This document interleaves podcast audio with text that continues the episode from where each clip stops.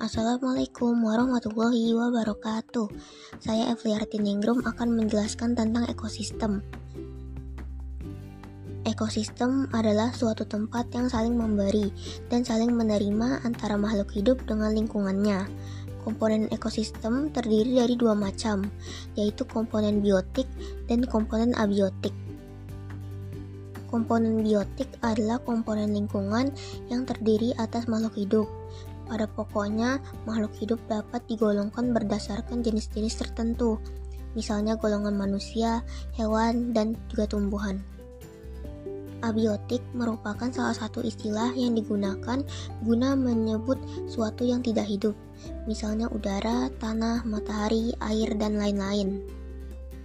Ada dua tipe ekosistem, yaitu ekosistem alami dan juga buatan. Ekosistem alami adalah ekosistem yang belum pernah ada campur tangan manusia, sedangkan ekosistem buatan adalah ekosistem yang sudah banyak dipengaruhi manusia, misalnya danau buatan, sawah, dan ekosistem pertanian. Segitu saja materi tentang ekosistem dari saya. Maaf kalau ada salah kata. Wassalamualaikum warahmatullahi wabarakatuh.